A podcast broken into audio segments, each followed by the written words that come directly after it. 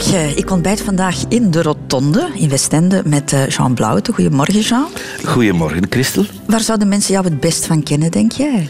Wel, als ik uh, op marktpleinen verschijn met, met veel volk dan, hoor ik toch af en toe eens ba ba ba ba achter mijn rug zingen. Dus dat refereert naar een nummer Bananen. uh, er wordt mij wel eens gevraagd wat uh, het beste bier is in, in België of in de wereld. Wat Jouw mij ook vaak gevraagd wordt is... Uh, hebt je uw motto al terug? Dus de mensen herinneren zich dat ik uh, ooit op reis ben geweest met de bende van Weun, dat mijn uh, Ducati toen gestolen is geweest in, in uh, Engeland. In, in, nee, niet in Engeland, in Wales moet ik zeggen.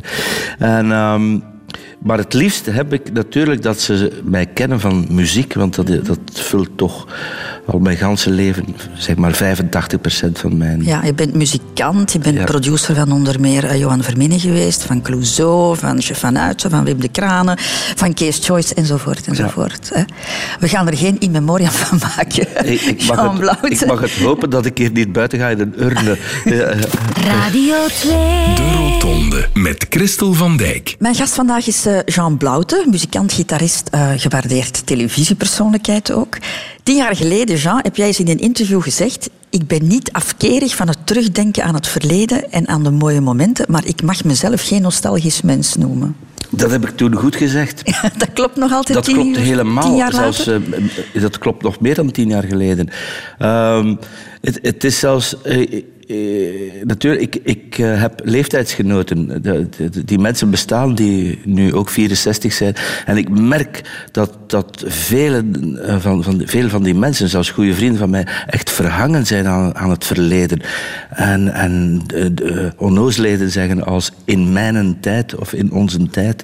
En ik doe daar echt niet aan mee. Ik stoot dat zelfs van mij af goede herinneringen koesteren, bewaren. Uh, aan mijn ouders denk ik dagelijks zelfs. Of aan mijn heerlijke jeugd in Zottegem. Ik denk daar vaak aan en ik, uh, met, met het grootste genoegen. Mm. Maar ik ben niet... Uh, uh, ik wil niet terug in de tijd. Het, het is vandaag en morgen tellen.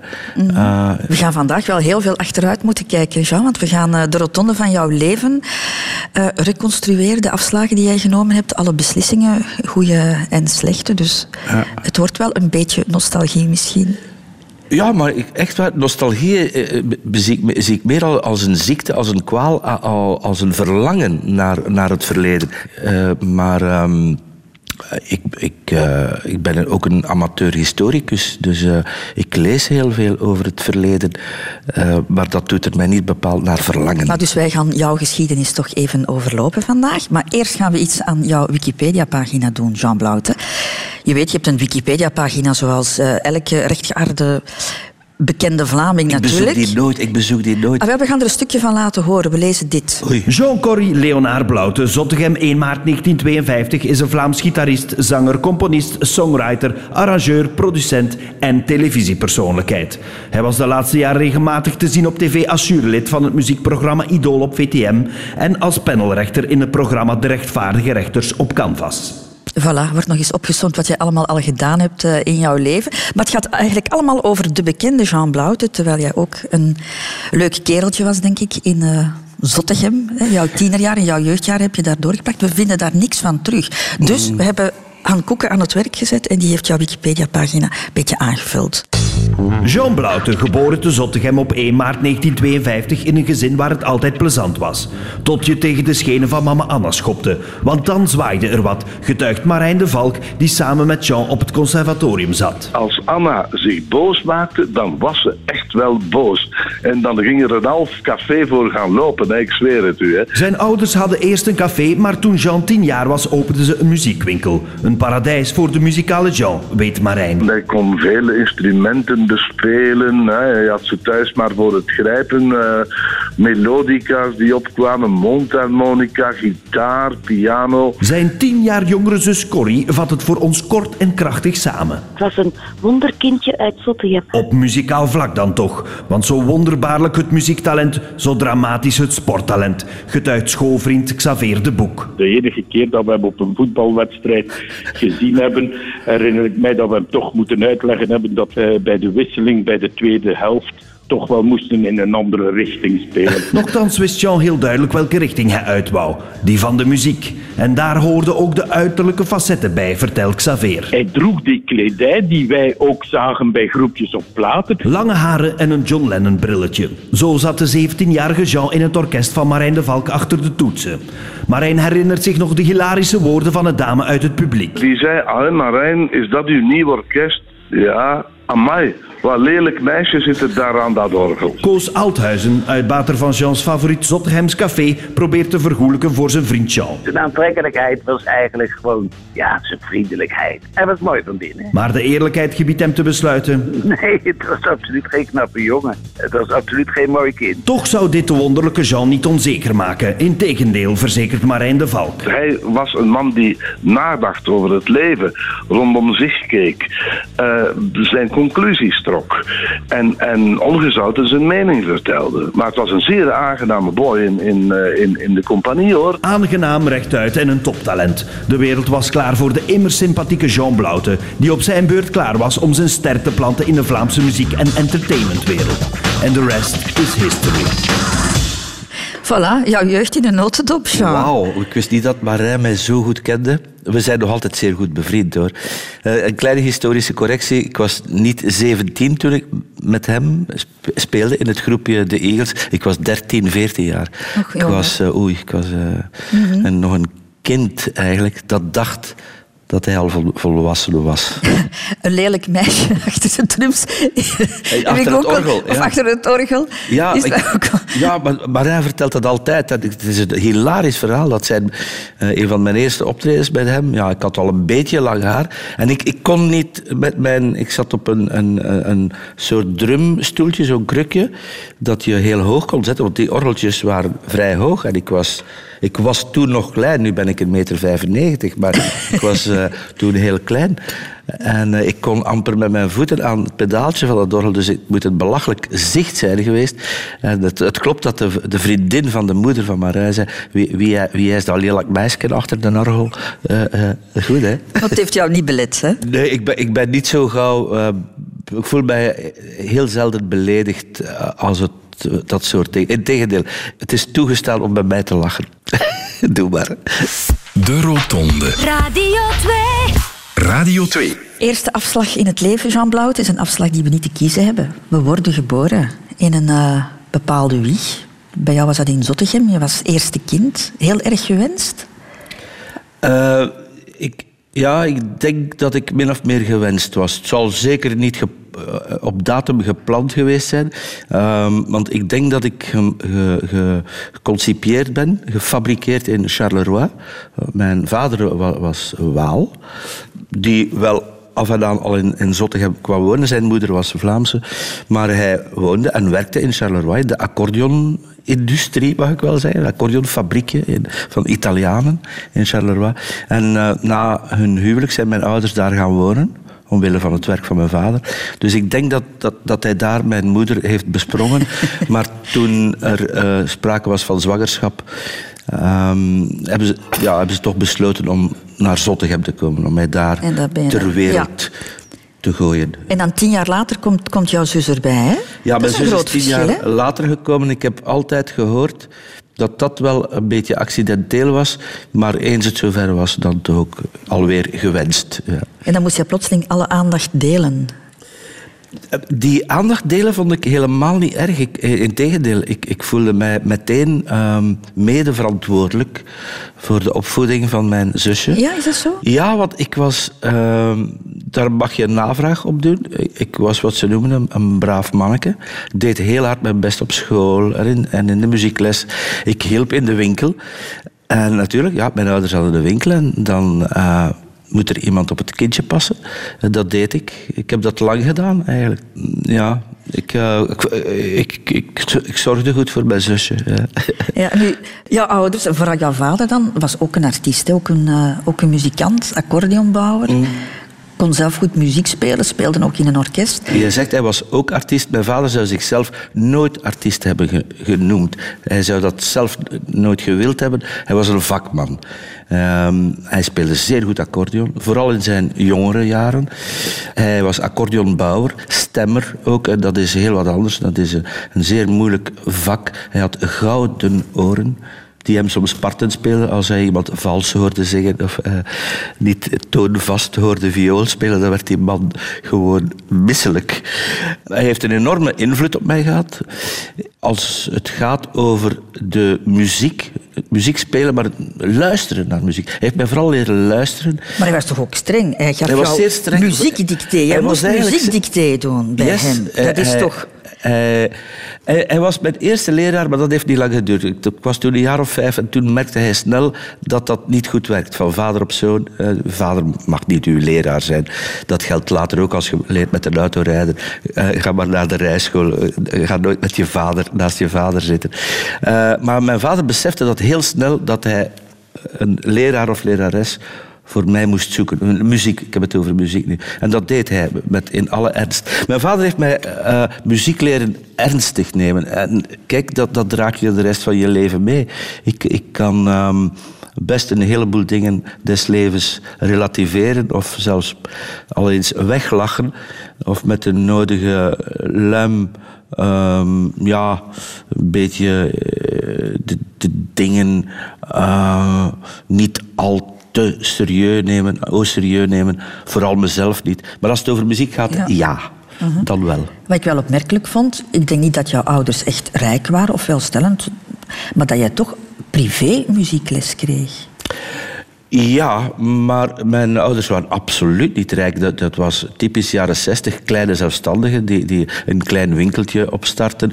Eh, weliswaar eh, muziek, eh, instrumenten en, en, en fonoplaten heette dat toen. Eh, maar dat is heel klein begonnen, later uitgegroeid tot een grotere zaak. Eh, maar echt typisch jaren 60, dat waren geen zakenlui, dat waren kleine commerçanten, Ja. kleine zelfstandigen.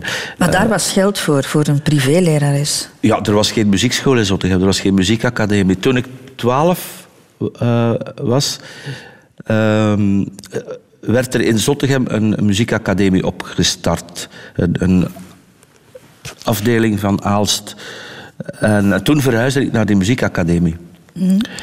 Eh, waar dan ook mijn privélerares eh, lerares werd eh, en haar man directeur. Dus het, het bleef Ja. binnen hetzelfde Was verha- dat, verhaal. was dat jouw eigen keuze om naar die muziekschool te gaan of was dat een verplichting van thuis? Het, het was ook een beetje een verplichting. Door, dus, door die muziekwinkel van mijn ouders, dat, dat verbond zich automatisch aan die academie.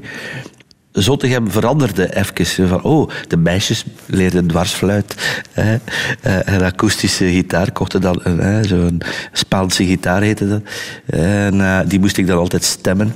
Maar ik moest ook de, de hoop aanvullen in, in die muziekschool. eh, omdat ik al zes jaar noten leren en piano had geleerd, eh, belandde ik in, in volwassenenklassen.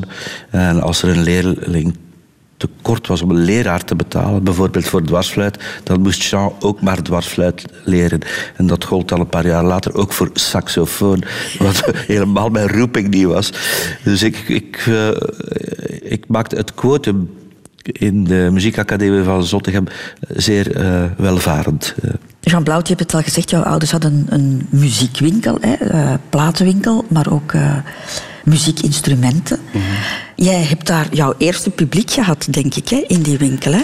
Ja, dat, dat, dat eh, publiek in de winkel, dat, dat waren de klanten natuurlijk. En die kwamen al eens een blokfluit, een melodica of eh, als ze meer bij kas waren, een filicorda-orgeltje kopen.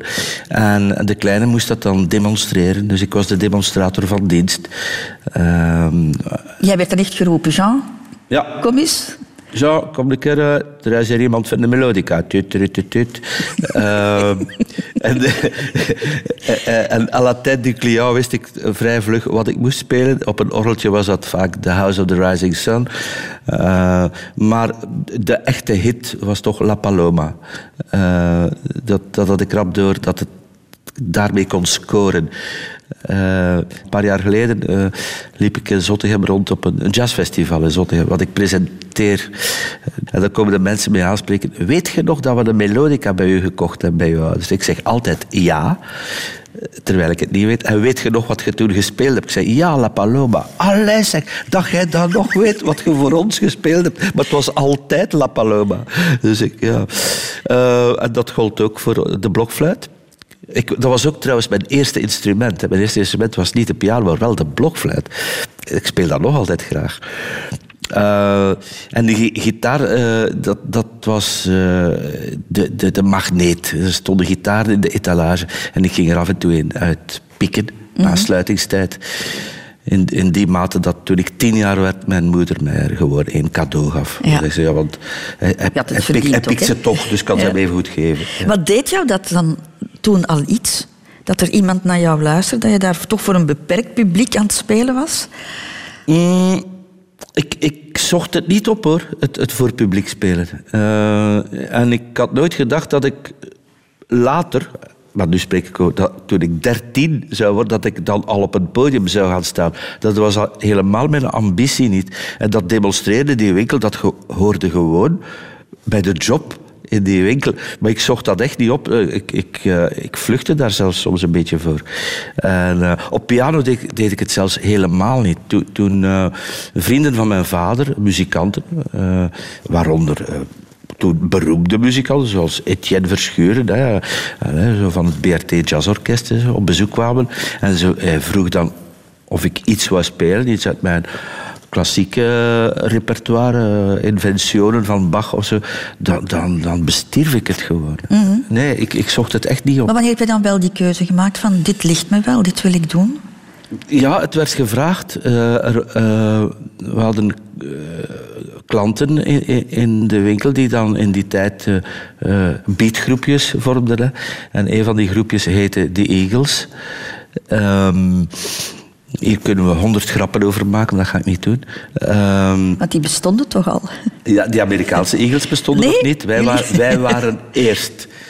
Uh, en, uh, dat waren heel brave, lieve jongens. Die tot op vandaag echt mijn vrienden zijn. Uh, maar ze waren allemaal ouder dan mij. Ze waren 17, 18, 19 of 20 jaar. En ik was pas 13, maar ze hadden een orgelman nodig. Een koster noemen ze. En ze kwamen dat aan mijn moeder vragen, aan mijn vader. Mijn vader vond dat direct goed, mijn moeder niet. Dus ik heb dure beloftes moeten maken over op tijd thuiskomen. Maar één keer per week repeteren. Maar het, het, het liep uh, vrij vlug uit de hand. Uh, vooral toen uh, Marino Falco, Marijn de Valk, Marijn de Valk die vriend aan huis was, vroeg of we zijn begeleidingsorkestje wilden worden. Want hij had al een hit, nationwide, voor ganz Vlaanderen en een beetje Wallonië zelfs. En ja, toen speelden we vier, drie, vier keer per week overal te landen. Oh, en jij was maar dertien? was ik maar dertien en, en bleef er weinig slaap over. Uh, dat heb ik een paar jaar volgehouden. School, muziekschool, helpen in de winkel, plus uh, het groepje. Maar op een gegeven moment ben ik er moeten mee stoppen. Ik ben eigenlijk op mijn vijftiende uh, al min of meer met pensioen gegaan.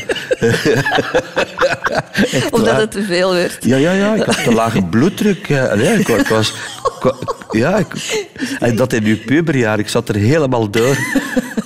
Ja, dat is echt waar. Dat is echt gebeurd. Radio. Radio 2. Over de afslagen van het leven. De Rotonde. De school, we hebben het daar ook al even over gehad. Hè. Jij moest nog naar school tussen alle optredens door. Je was geen slechte leerling, want je deed Latijn-Grieks. Mm. Ik, nee, ik, ik, was eigenlijk een zeer goede leerling. In, in de lagere school ben ik zelfs vier keer nummer één van de klas geweest. Toen, toen was dat nog in... Ja, ja. In, dan moest je, ja, op het Eerste van, prijs. Ja, ja, kreeg je ook het, op het einde de grootste torenboeken cadeau en zo. Wat zeer aan mij besteed was, want ik las heel veel. Ik was heel leergierig. Dat is ook gebleven eigenlijk. Uh, maar ja, de, de, middelbare school, ja, ik ging naar de Latijn-Griekse. Uh, we zaten maar met zeven in de klas, zes jongens en een meisje. Dat hebben we zes jaar volgehouden. Um, een echte vriendenkring.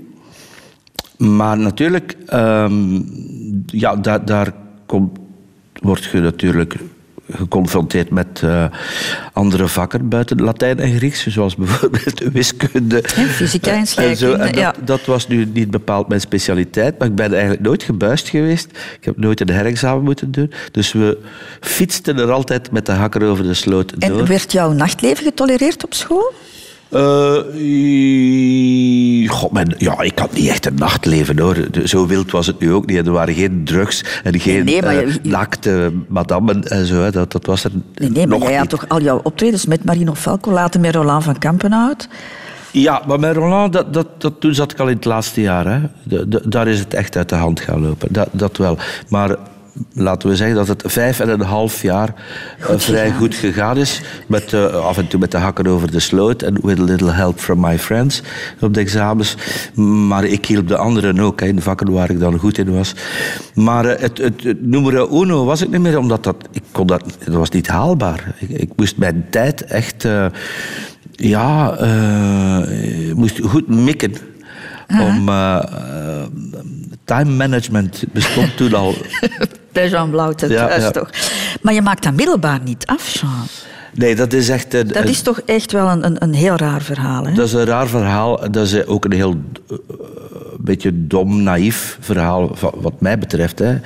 Eh, de, de jeugdige... Het, het, het zat zo... Het, eh, wat we, eh, in de kerstperiode hadden we tussen examens.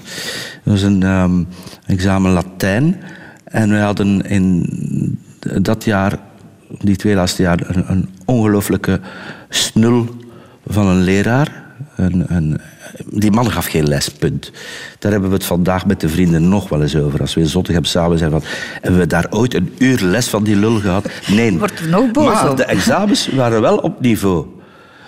En ehm, eh, we moesten een stuk vertalen, het versio, dus van het Latijn naar het Nederlands. Dat is natuurlijk het moeilijkste. Eh, je moet weten wat je leest. En, eh, Latijn op dat, het laatste jaar, dat is een, hoog niveau. Hè. En ehm, iemand had eh, de tekst gestolen. Iemand van ons.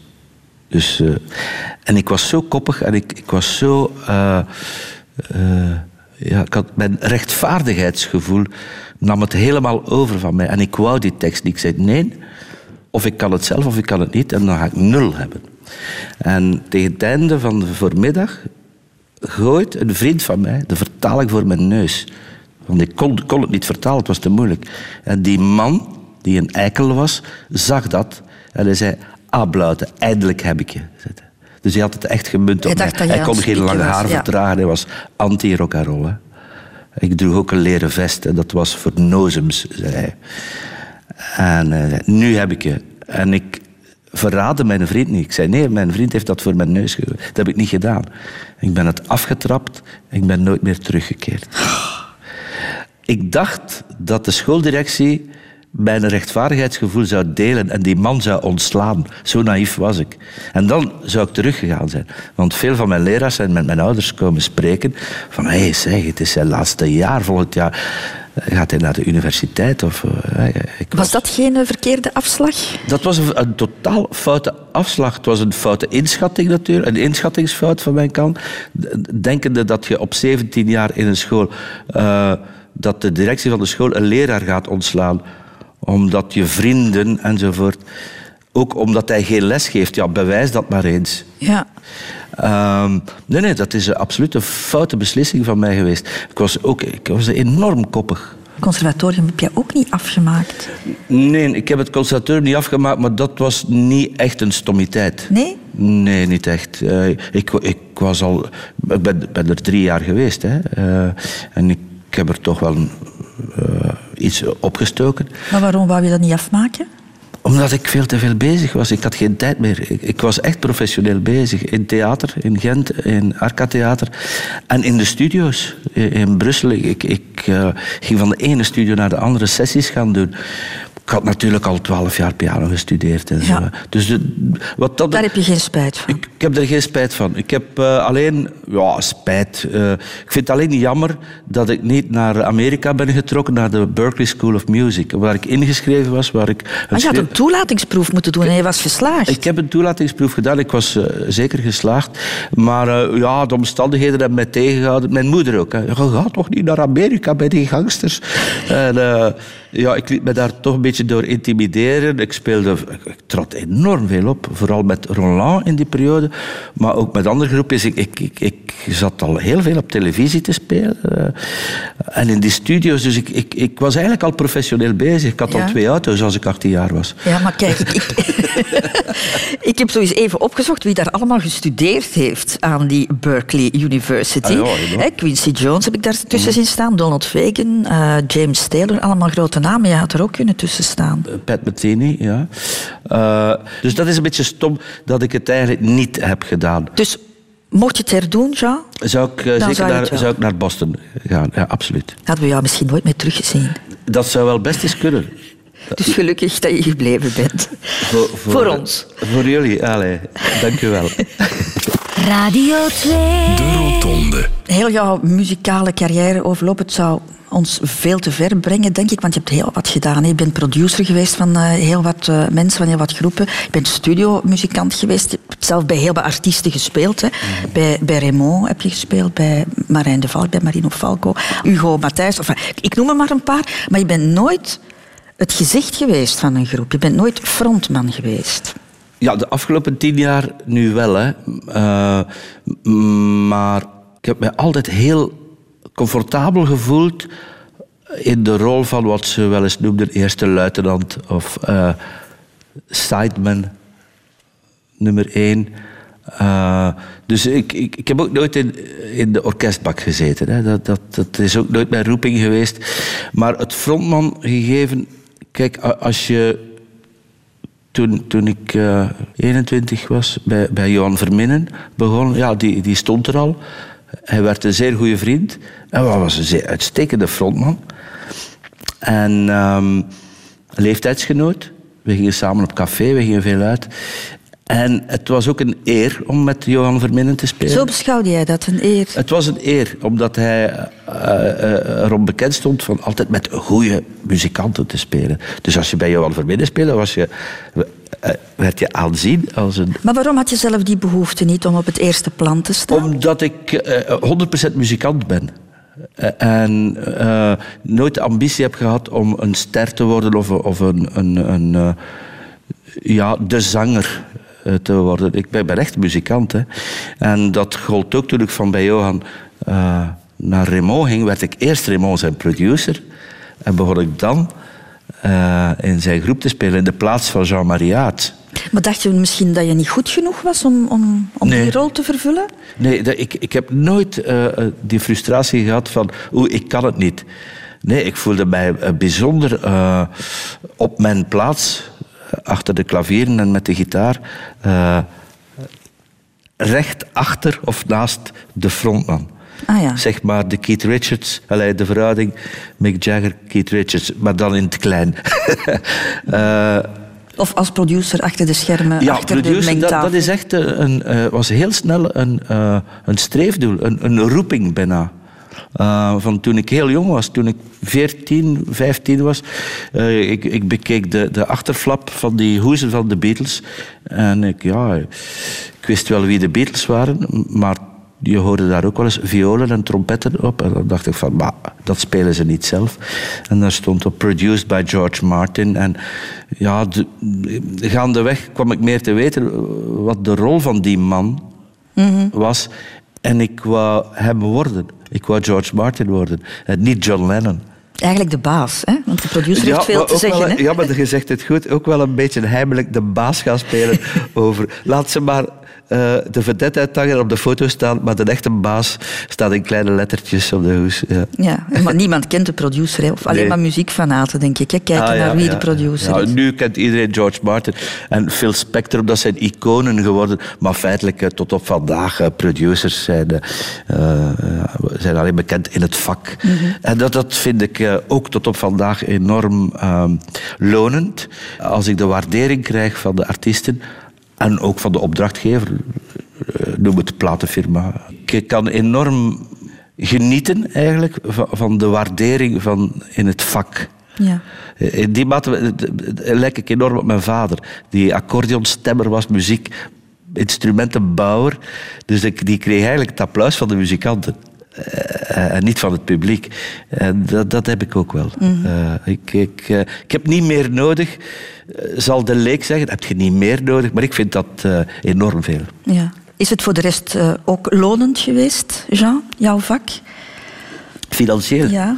Heb je er altijd goed van kunnen leven? ups en downs, zoals dat gaat in dat vak. Hè. Je hebt topjaren, die heb ik zeker gehad. Um, maar je hebt ook diepe dalen, hè, dat, het uh, minder gaat, dat je ook minder in vorm bent. Dat is mij ook overkomen. Uh, maar heb je een zakelijk gevoel, een zakelijk instinct? Jouw ouders waren twee zelfstandigen. Ja, heb dat, je mijn dat... ouders waren twee kleine zelfstandigen, typisch jaren 60, 70.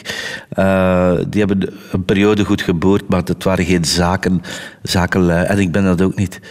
Uh, ik ben heel los en slordig omgesprongen met auteursrechten uh, zo, en royalties en uh, geen of slechte contracten. Daar ben ik echt kampioen in. Maar ik zeg dat zonder wrok of rancune op mensen die daar zouden van geprofiteerd hebben. Want dat, dat is gebeurd. Maar, is dat zo, ja? maar aan de andere kant heb ik mijzelf uh, een fantastisch leven cadeau gedaan. Uh, namelijk uh, het leven van de vrije vogel, zeg maar. Dat is nu de afgelopen 12, 13 jaar veel verbeterd, omdat ik een manager heb. Niet omdat ik het intussen geleerd heb, maar omdat ik het laat doen. Ja. ja maar je kan je alleen maar jezelf de schuld ervan geven, uiteindelijk. In, in, voor, voor, voor, een groot deel. voor, voor 75% is het mijn schuld. Zou je het anders doen? Mocht je beginnen? Ja, ik zou... Ja, mocht ik er beginnen, ik zou die zelf dus nul zijn. Maar er beginnen en weten wat ik nu weet, ja, dan zou ik het zeker anders doen. Ik zou het zeker wat uh, strikter aanpakken. Zakelijk misschien niet, maar toch, uh, de papieren zouden meer in orde zijn. De liefde, Jean Blauten. Mm. Stonden de meisjes in rijen aan te schuiven voor jou? Nee. Ik ben een laatbloeier, mm -hmm. wat de daad betreft. En met de daad, allez, zelfs de kus en zo, dat is allemaal heel laat gekomen om nog maar te zwijgen van het copuleren en zo. en vuile manieren eigenlijk. Uh, maar ik, ik ben jaren, ik denk vanaf mijn tiende, elfde tot mijn twee, drieëntwintigste, constant platonisch verliefd geweest. En echt verliefd, zonder uh, dat ik vis aan de haak had. Mm -hmm. Dat begon natuurlijk heel romantisch met, bij Brigitte Bardot of Sophia Loren, filmsterren, zoals het hoort als je kind en, en, en puber bent. Dus het onbereikbare, het ver, verheerlijken van de schoonheid van de dames. Had jouw lengte daar iets mee te maken, Jean? Je bent de niet erg van groot. Wat? Mijn lichaamslengte? uh, nee, ik was... Uh, uh, Nee. Uh, allee, oei, oei, ik, daar heb ik nooit zo bij stilgestaan bij mijn lengte. Uh, ja, wie staat er nu stil bij zijn eigen lengte? Voor de spiegel misschien, ja. Uh, Omdat er heel wat meisjes groter... Ja, maar het is natuurlijk zo dat meisjes vroeger, iets, iets vroeger volwassen zijn. Allee, ja, ja, eigenlijk wel. en dus ook een tikkeltje groter.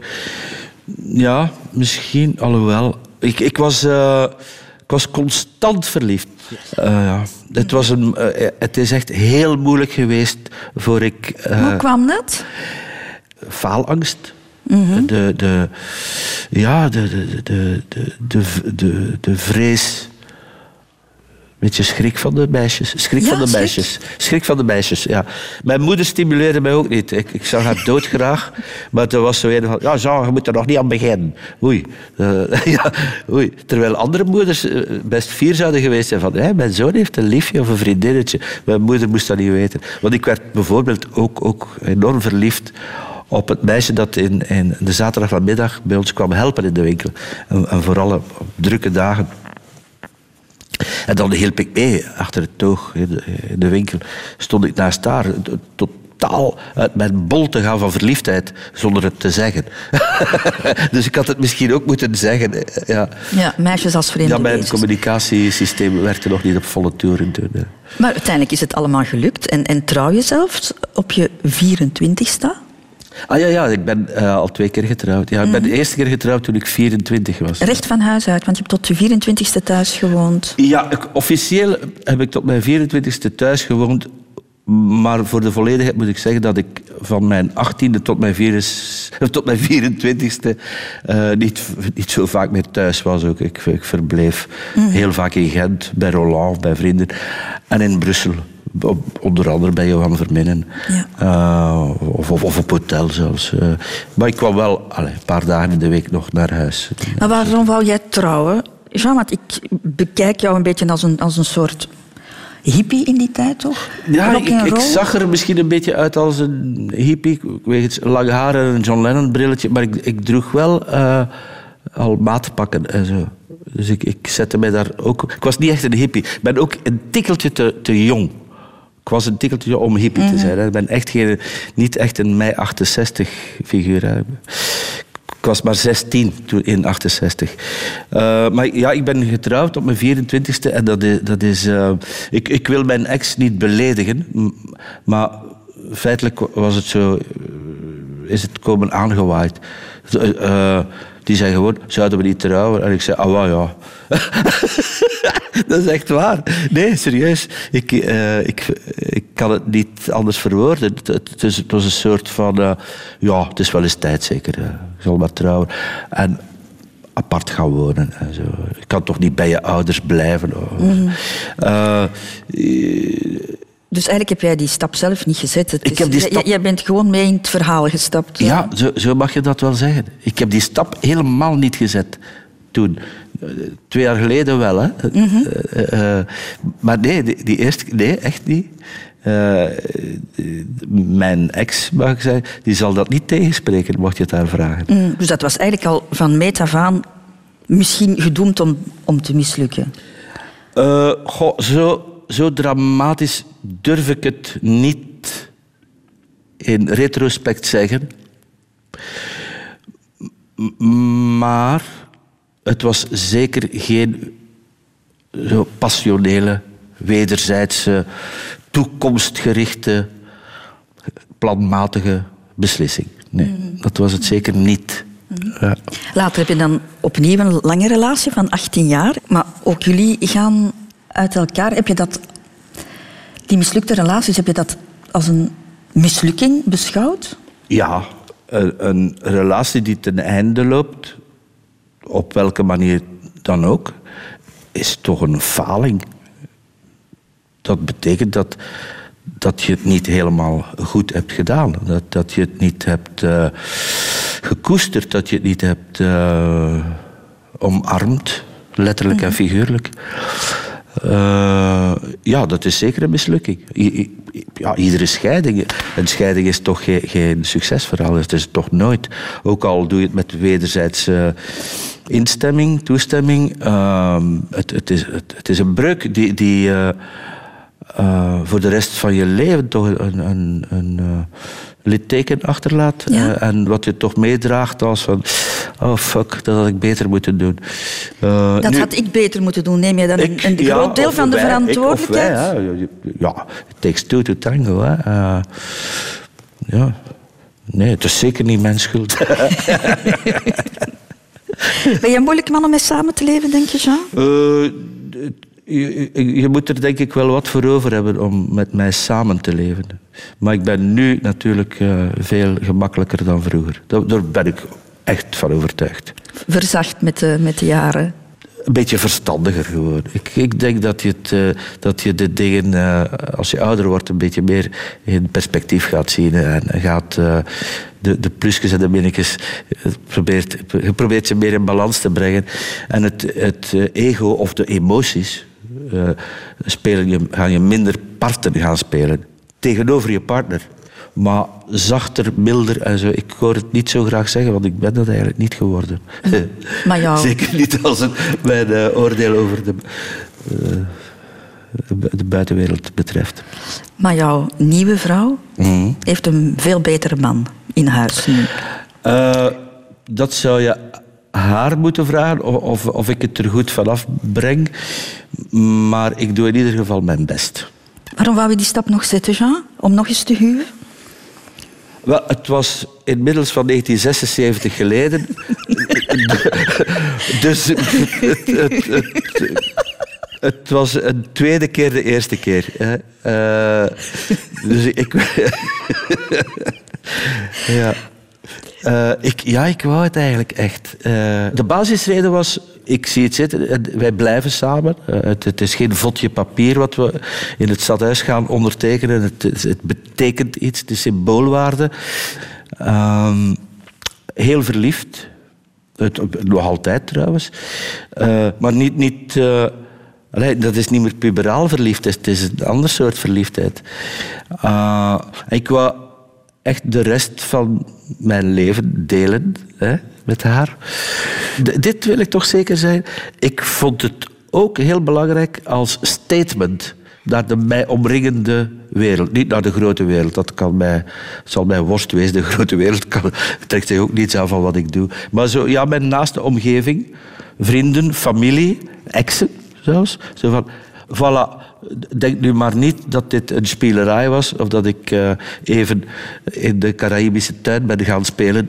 Ah, ja, want je vrouw is van Dominicaanse. Ja, mijn vrouw is Dominicaanse, ja. dus Caraïbisch. Mm. Dat spreekt wel eens tot de verbeelding en dan denken ze van ja, de Jean. Die, uh, ja, die heeft dat dus goed voor elkaar ge, ge, versierd. Maar dat, dat uh, was en is het helemaal niet. Dus ik wou toch ook wel dat statement maken van dit is serieus. Ja, ja. De Rotonde. Radio 2. Radio 2. Jean Blauwte, de liefde. En uit de liefde komen dan ook kinderen. Je hebt uh, twee kinderen, een dochter en een zoon, bij, bij, bij, bij twee mama's. Was jij vragende partij voor kinderen? Uh, nee, maar dat is toch typisch voor mannen, en zeker voor mannen die muzikant zijn. Ze van, oei, hoe gaan we dat doen? En ik heb zo een, een, uh, uh, een ik heb geen vast inkomen. Hè? Hoe, hoe, gaan we dat doen? En ik heb Was geen... dat, daar dacht je aan? Ik heb geen vast Daar dacht inkomen? ik bij het eerste, dus bij mijn, mijn dochter. Die is nu net uh, 36 geworden. Uh, dus 36 jaar geleden uh, was ik er absoluut niet gerust in dat ik die verantwoordelijkheid, dus werkelijk de, de, de financiële kant, de zorg die een kind nodig heeft, ook de aanwezigheid. Ik heb geen vaste uren daar, geen 9-to-5 job. Uh, dat was toch wel, uh, oei, ai, daar, daar, was ik zeer beducht voor. Ik, ik had, ik had echt angst. Dus het initiatief is niet van mij gekomen. Nee, nee. Mm -hmm. Maar ik heb er natuurlijk geen spijt van. Mm. Je... En dan, mijn zoon is ne ook net 29 geworden.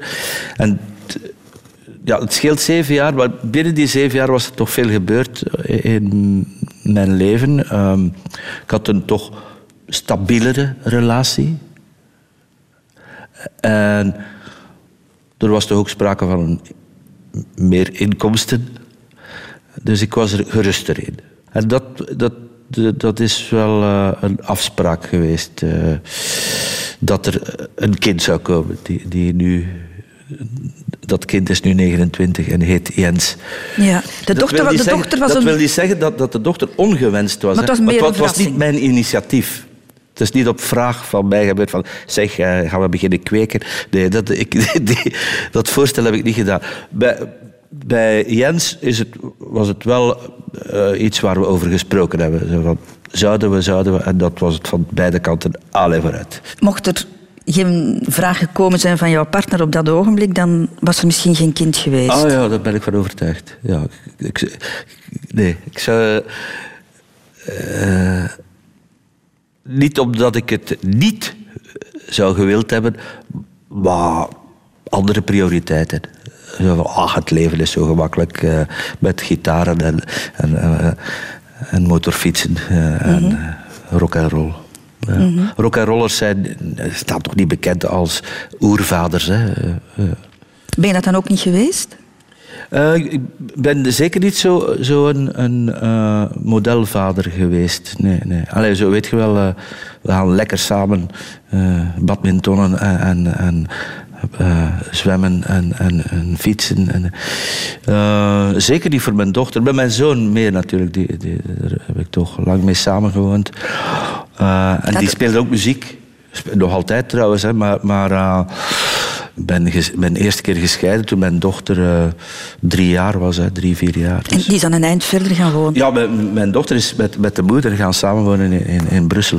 Dan mis je ook een deel van, van die jeugdjaren natuurlijk. Hè? Ah ja, tuurlijk. tuurlijk. Ja, ja, ik heb het kind Eva op afstand eh, zien groeien. Hè. Eh, Met af en toe een bezoekje of een vakantie samen. hè. Ja. Mhm. Heb je daar spijt van?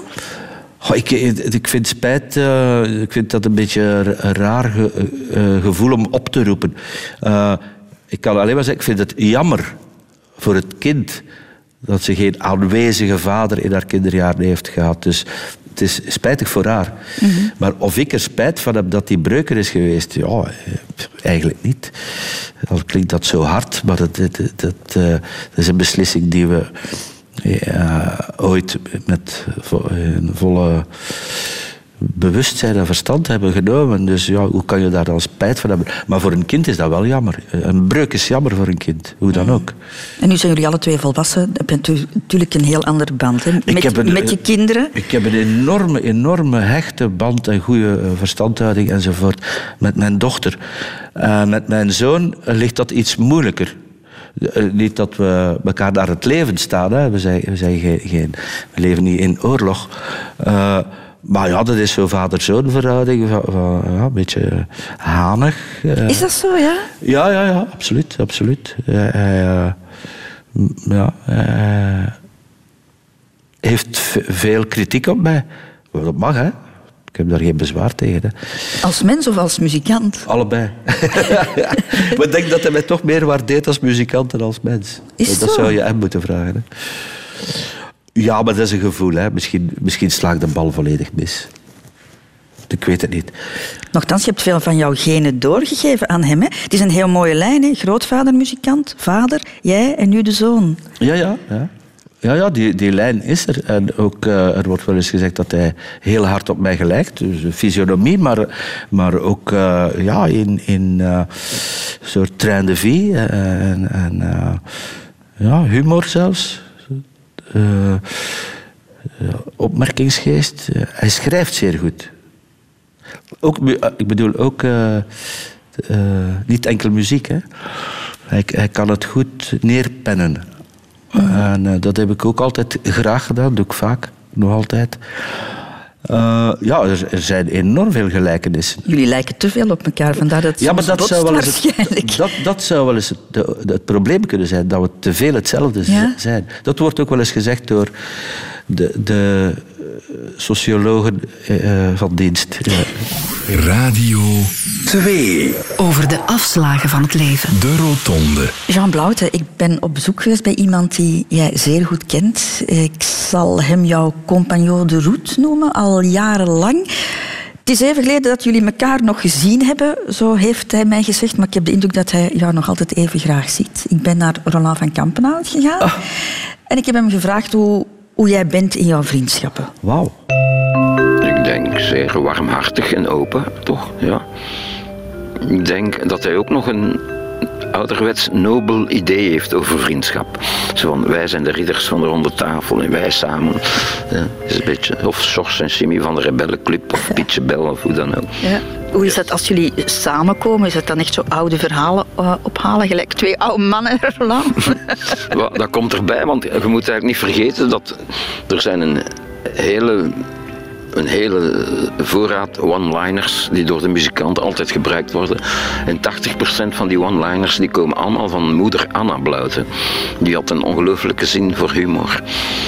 En eh, veel van die dingen die ik nu nog hoor onder de muzikanten, die komen allemaal van Bluiten en van zijn mama. En zoals? Bijvoorbeeld, ga met uw muil van voor dat paard zijn wezen, bijvoorbeeld. Wat betekent dat? Ja, dat, is, dat wil zeggen, dus dat, ja, kijk, ga met je muil van voor dat paard zijn wezen. Dat betekent dat, dat het paard een menselijk gelaat heeft en dat jij eigenlijk een, het gelaat van een dier hebt. Dat is Zottegemse humor, dus je kunt dat niet, je kunt dat niet uitleggen. Je moet daarvoor in Zottegem op café zitten. Je er nog zo? Oh, honderden. Is dat hier zo warm of ik in mijn broek gescheten? Dat is nog zoiets.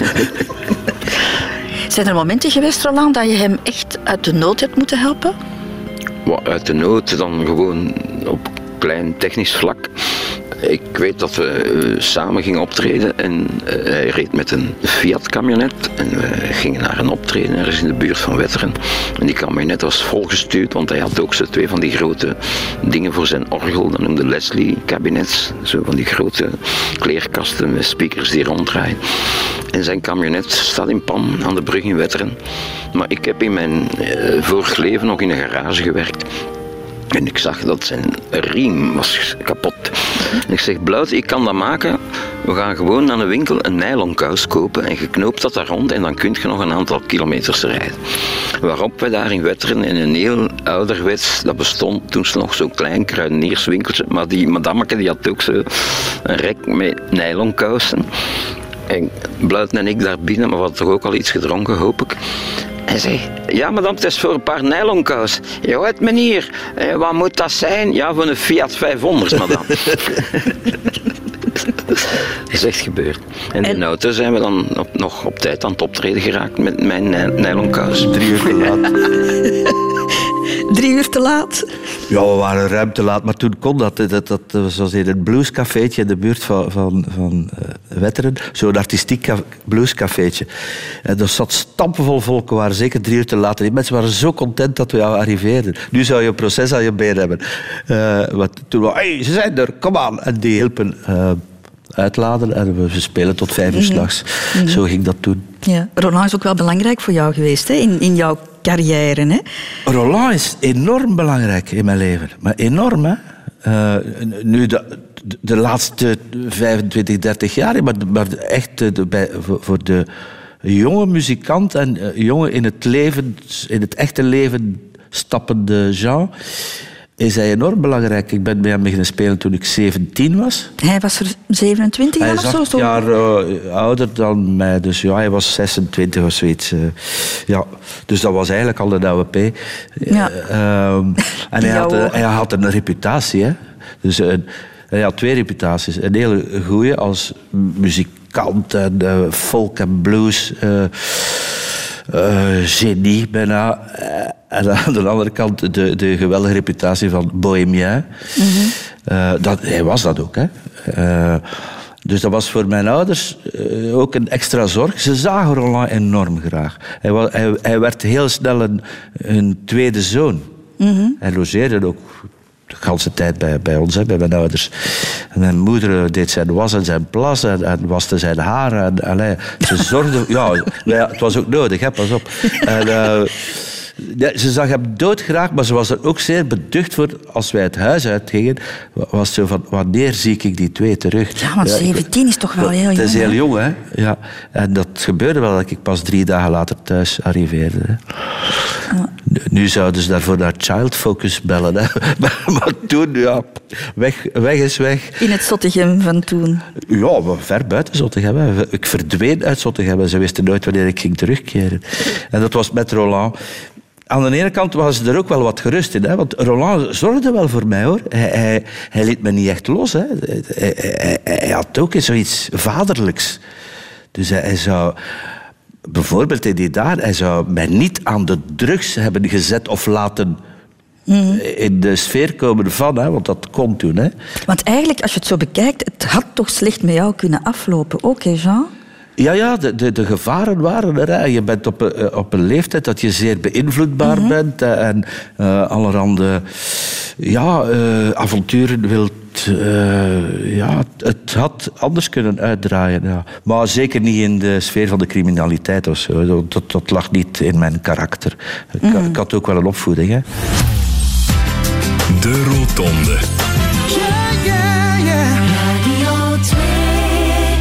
De dood. Dat is de laatste afslag die we moeten nemen. En volgens mensen die het kunnen weten, bij een echte hypochonder heb je altijd wel een kwaaltje hier en daar. Ja, het hypochondrische heeft toch een reden, maar dat zegt elke hypochonder natuurlijk. Uh, ja, ik heb, ik heb alle kinderziektes gehad, dus daar begint het al. Hè. Met zo'n zorgende grootmoeder tot mijn tiende, dan is die gestorven. Uh, maar zo'n zorgende moeder, voor alles een pilletje.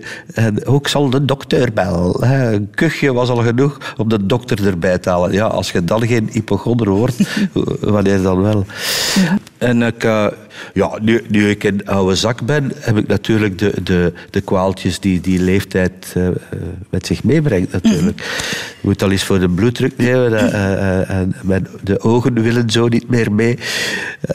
dus er komt dus iedere ochtend wel een pilletje of drie bij kijken. Dus dat is niet echt hypochondrisch. Maar heb je dan ook schrik van de vergankelijkheid van het leven? Van, van het, ja, de de laatste halte? Nee, ik heb daar helemaal geen schrik van. Dat is raar, hè? Uh, misschien komt het omdat ik eh, heel vroeg heb moeten leren aanvaarden.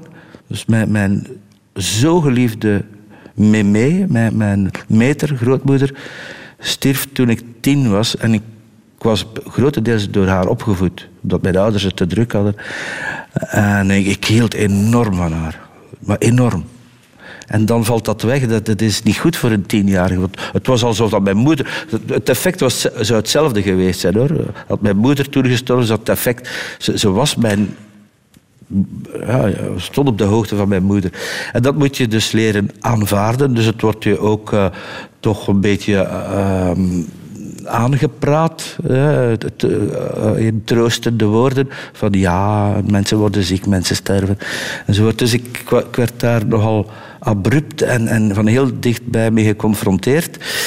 En ook, um, ik heb gemerkt, en dat geldt tot voor een paar jaar zelfs, dat er vanaf mijn twintigste, 22e, uh, stierven er regelmatig vrienden van mij.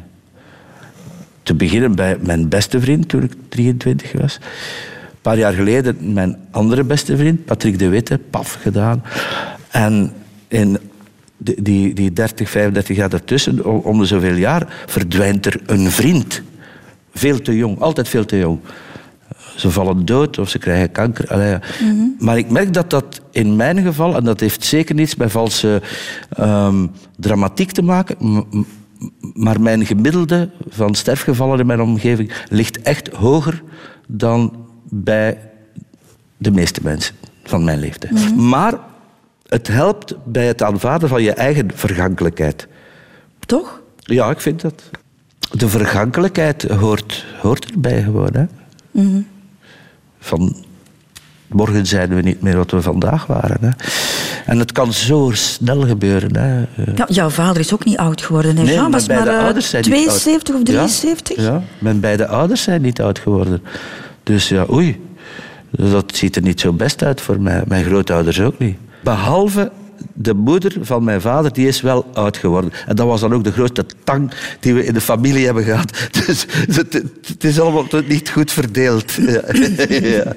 Jouw vader is dan gestorven en de week daarna, Jean, moet jij vertrekken. Ja. Met, de met Wim van... Oproek en met uh, Michiel Hendricks, voor de bende van Wim. Ja, dat was heel vreemd. Bevreemdend. Troostend ook, maar zeer uh, heavy. Ik kende Wim een beetje, ik kende Michiel een heel klein beetje. We hadden één dag proef gedraaid, een paar maanden daarvoor, dat was alles. Maar ik voelde mij wel direct beschermd door hen. Maar waarom wou je dat doen? Waarom wou je geen tijd Ja, maar dat was, die beslissing was maanden ervoor genomen. Hè? Ja, en als die productie was gepland, dat is een ganse onderneming. Er zijn mensen eh, maanden op voorhand al die locaties gaan vastleggen en die afspraken gaan maken. Ze, ze waren ook allebei, plus de mensen van de productie, waren allemaal op de begrafenis van mijn vader in, in Zottegem. En dat uh, heeft mij echt heel uh, veel plezier gedaan, mij heel veel troost gebracht. En uh, verstevigde die band die we nog eigenlijk moesten aanhalen, die we nog moesten uitvinden bijna. Die, die, die, die, band is gegroeid tijdens het reizen. Maar had je daar genoeg tijd om, om, om verdriet te hebben en, en, en te rouwen? Nee. zo werkt het niet. Hè. Je, je, je denkt tijdens die opnames, die, die hebben nou, ik weet niet, een kleine twee maanden geduurd, met korte tussenpauze, maar een korte tussenpauze. We zijn af en toe naar huis gekomen voor een dag of drie. En dat terwijl je verdriet hebt. En dat terwijl je er totaal eh, kapot bent. Eh, maar het hielp, hè. Eh, want je kan aan niets anders denken dan aan je werken, dan op die moto rijden. Oh, eh, 70 keer per dag op, erop stappen, afstappen, helm aan, helm uit. En die- je blijft aan de waggel. En dan na twee maanden kom je thuis en dan krijg je de klop die je eigenlijk zou moeten hebben de, de dag na de begrafenis. Dat, die dag komt gewoon twee maanden later. Die periode dringt zich op. Zullen we het daar zo meteen over hebben, Jean? Ja. Radio Radio de afslagen van het leven. De Rotonde. Jean Blauw, we hebben het net over de dood van jouw vader gehad. En na zijn overlijden ben jij meteen vertrokken voor de bende van Wim. Hè? eh, opnames gaan maken. Goeie keuze geweest, zeg je. Maar je hebt daarna dan wel jouw klap gekregen. Maar een serieuze klap, hè? Ja, Heeft jaren geduurd, hè? ja, dat heeft eigenlijk veel te lang geduurd. Ik, ik had dat niet onder controle.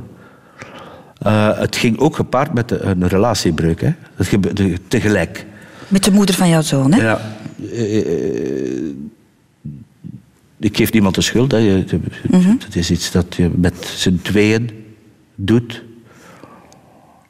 Maar de timing kon niet slechter zijn. En ehm, daar heb ik eigenlijk wel serieus een, klop van gekregen. eh, die me echt heeft verlamd. Hè. Dus ook professioneel dan. Hè. Want ik weet dat ik in die periode... Ik had eh, vier albums met Clouseau gemaakt, onder andere. En ze waren in voorbereiding, weet ik nog, voor een, nieuw album. En eh, Koen en vooral Chris, die, die dichter bij de productie is betrokken, wist dat het echt niet, niet zo goed ging met mij. En hij kwam me erover aanspreken, heel open, heel sportief, heel correct. Want dat zijn die twee broers wel. Eh, van Jean zal het gaan. En ik heb zoiets geantwoord in- de mist. Zo van, ja, misschien wel, misschien niet. En dat is natuurlijk genoeg om door professionals die ze ook zijn, eh, twijfel te krijgen in, in de capaciteiten, in de, de, de, ja, de, het pot- potentieel van de producer. Je bent toch de kapitein op het schip. Maar als de kap- kapitein eh, niet in vorm is, dan gaat het schip zwalp, zwalpen. Maar- En, en dan, dan heeft het ook geleid niet tot het breuk tussen mij en, en, en Clouseau. Maar ik heb die productie niet gedaan. En dat kwa- kwam letterlijk omdat ik het producerschap niet meer uitstraalde. Maar wat was er aan de hand dan, Jean? Kan je, dat, kan je daar een woord op? Ik denk dat je dat wel eh, eh, in de buurt van depressie kunt plaatsen. Zoiets, burn-out, depressie. Hoewel, ik ben wel naar mijn huisarts een paar keer geweest. En ik zei, ja, geef mij maar Prozac. Want je moet weten wat ik nog niet vertel. Ik ben ook dokter, namelijk. Als je zo vaak ziek bent geweest als ik, dan word je automatisch dokter. eh, ongediplomeerd. Dus ik ging naar mijn huisarts, die ik goed kende. Hij kende mij zeer goed. Ik zei, schrijf mij maar hier een doos Prozac voor, want ik heb een depressie. En hij zei, nee, je hebt helemaal geen depressie, want ik heb u gisteren nog op de radio gehoord in de rechtvaardige rechters. En ik heb mij krom gelachen. Ik zei, ja, maar ik, zei, ik speel dat. Hè. Ik zei, ik ben een zeer goede acteur. Hè. Hij zei, ja, maar iemand met depressie kan zelfs dat niet spelen. Dat, dat, dat, dat kan niet. Maar je hebt wel een... een Maar ik had wel de symptomen van, van depressie. Hè. En je hebt toch een, beetje, zoals je zelf ooit gezegd hebt, als een, als een soort van kluizenaar geleefd. hè? Twee jaar lang dat je bijna je huis niet uitkwam als het niet moest. minstens twee jaar. Eh, al, ik kwam enkel het huis uit om... Ja, optreden deed ik amper. Ehm, een paar keer bij Roland, zo la minuut beslist. Maar ik was niet op tournee of zo. Ik had geen eh, projecten. En eh, het enige wat ik deed was voor de radio, vooral. eh, de rechtvaardige rechters. Eh, eh, vooral met mijn vriend PDW.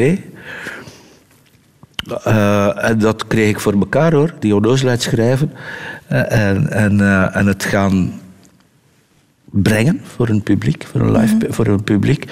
Eh, maar ik ging echt op tijd met de deur uit, geen uur te vroeg, en kwam na de opname, na een duvel of twee, drie, recht naar huis. En dan kwam ik er ook weer een week of twee weken niet meer uit, behalve om eens naar de nabijgelegen Spar te gaan. Vooral op momenten dat ik wist dat er geen volk zou zijn. Om uh, brood, boter en eieren te kopen. Maar op een bepaald moment moet je dan toch de beslissing nemen om het roer om te gooien. Hè? Ja, ja, je breekt eruit. Het is heel vreemd. Het is ook weer een huizenhoog cliché. Je leest het wel eens. Op een ochtend sta je op en het is over. Het gebeurt, hè? dat hoor je Is- vaker. Zo hè. simpel zou het toch niet gegaan zijn? Wel, het komt er toch een beetje op neer. Dus op, eh, je staat op een ochtend op en je hebt er meer zin in. Je trekt toch die gordijnen open, letterlijk. Hè? Laat het licht binnen, in plaats van de gordijnen dicht te laten, wat ik twee jaar had gedaan. En eh, ik begon piano te spelen. En Roland klopt aan mijn deur. En hij zegt, eh, Peken, heb je geen goesting om te gaan spelen in Willebroek, wat vlakbij is waar ik woon, in Mechelen. En ik ben met Roland gaan spelen. En dat was een fantastische avond en ik was weer vertrokken. Dan hebben we plannen gesmeed om samen op tournee te gaan. Dat hebben we dan ook twee jaar gedaan, samen met Paul Michiels. Het programma Cry Like a Man in twee versies. Ik was weer vertrokken. En ik ben sinds dan tot op vandaag niet meer gestopt eigenlijk met eh, projecten in theaters, eh, met live muziek te gaan spelen. Onder eigen vlag dan nog wel. Als je aan die periode terugdenkt, Jean, en je zou die uit je leven kunnen knippen, zou je dat dan doen? Die twee jaar? Ja, die zouden wel gerust uitgegomd mogen worden. Dat is echt, eh, daar word je niet vrolijker van hoor. Je kan altijd zeggen van ja, what doesn't kill you makes you stronger. Ik hoor het allemaal graag zeggen, maar ondertussen zou je wel eens kunnen gekild worden ook. Hè. Ik ben er eh, goed uitgekomen, maar het had ook fout kunnen aflopen. Niet dat ik, eh, ik, ik heb nooit echt zelfmoordplannen gehad. Hoewel het wel eens door mijn hoofd is eh, gebliksemd, hè, dat wel. Maar dat, dat, dat kon ik binnen de, de, de 15 seconden eh, wegdenken door van, ei, bluiten, dat is het ook niet waard. Of denk aan je kinderen en zo. Du- Dus ik heb nooit plannen in die richting gehad. Zo, maar het had wel gekund. Hè? Dus die twee jaar mag je gerust in de vuilbak gooien. Ja. Jean Blauwte, de toekomst. Ja. Ik ga niet te ver vooruit kijken. Ik ga gewoon naar maart volgend jaar kijken. Mhm. De Eregalerij.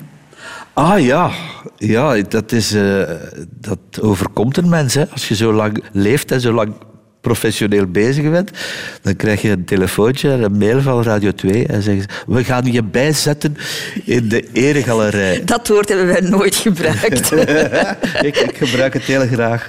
Eh, ik- en toen heb ik gedacht, ja, liever in de eregalerij dan in een urne. Eh, ja, jij krijgt de trofee in Leven voor Muziek. Hè? Ja. bent een van de mensen die de trofee in Leven voor Muziek krijgt. ja, hallo. Ja. Ja, ik, ik mag toch wel ik moet ruiterlijk toegeven dat ik mij gecharmeerd voel. Ja. Ja, als je zo terugdenkt aan die beginjaren, de platenwinkel van jouw ouders, Mhm. de muziekschool en dan waar je nu staat. Ongelooflijke weg afgelegd, toch? Hè? Ja, en dat zonder carrièreplanning. Nu, nu wordt het een carrière genoemd. Ja, Jean, wat een carrière. Ik moet nog altijd wennen aan het woord. Het is in, in terugblik, ja, kan, kan je dat een carrière noemen. Want eh, sommige mensen moeten dat plannen of moeten ervoor studeren. En ik heb het gewoon... Ik heb die weg afgelegd. Maar niet gewoon, hè, Jean. Je was iemand met een passie. Hè? Ja, dat is wel waar. Er zijn natuurlijk een boel dingen die ik veel beter had kunnen doen eh, enzovoort. Maar al bij al valt het goed mee. Jean Blauwte, ik vond het heel fijn om met jou te ontbijten. Het is altijd fijn om met, mensen te praten die passioneel over hun leven en over hun werk eh, kunnen vertellen. En dat heb jij zeker gedaan. Dank je wel daarvoor. Nog één ding eh, zou ik jou willen vragen, en dat is iets in mijn gastenboek te schrijven. Lieve Christel, dank voor het gulle onthaal in de rotonde. De kookkunsten en de witte wijn in de aanloop. Hopelijk ga je ooit eens naar de hanengevechten in Santo Domingo. En natuurlijk het bijzonder aangename gesprek met de charmantste Christel aller christelen. Dank en bees van Jean.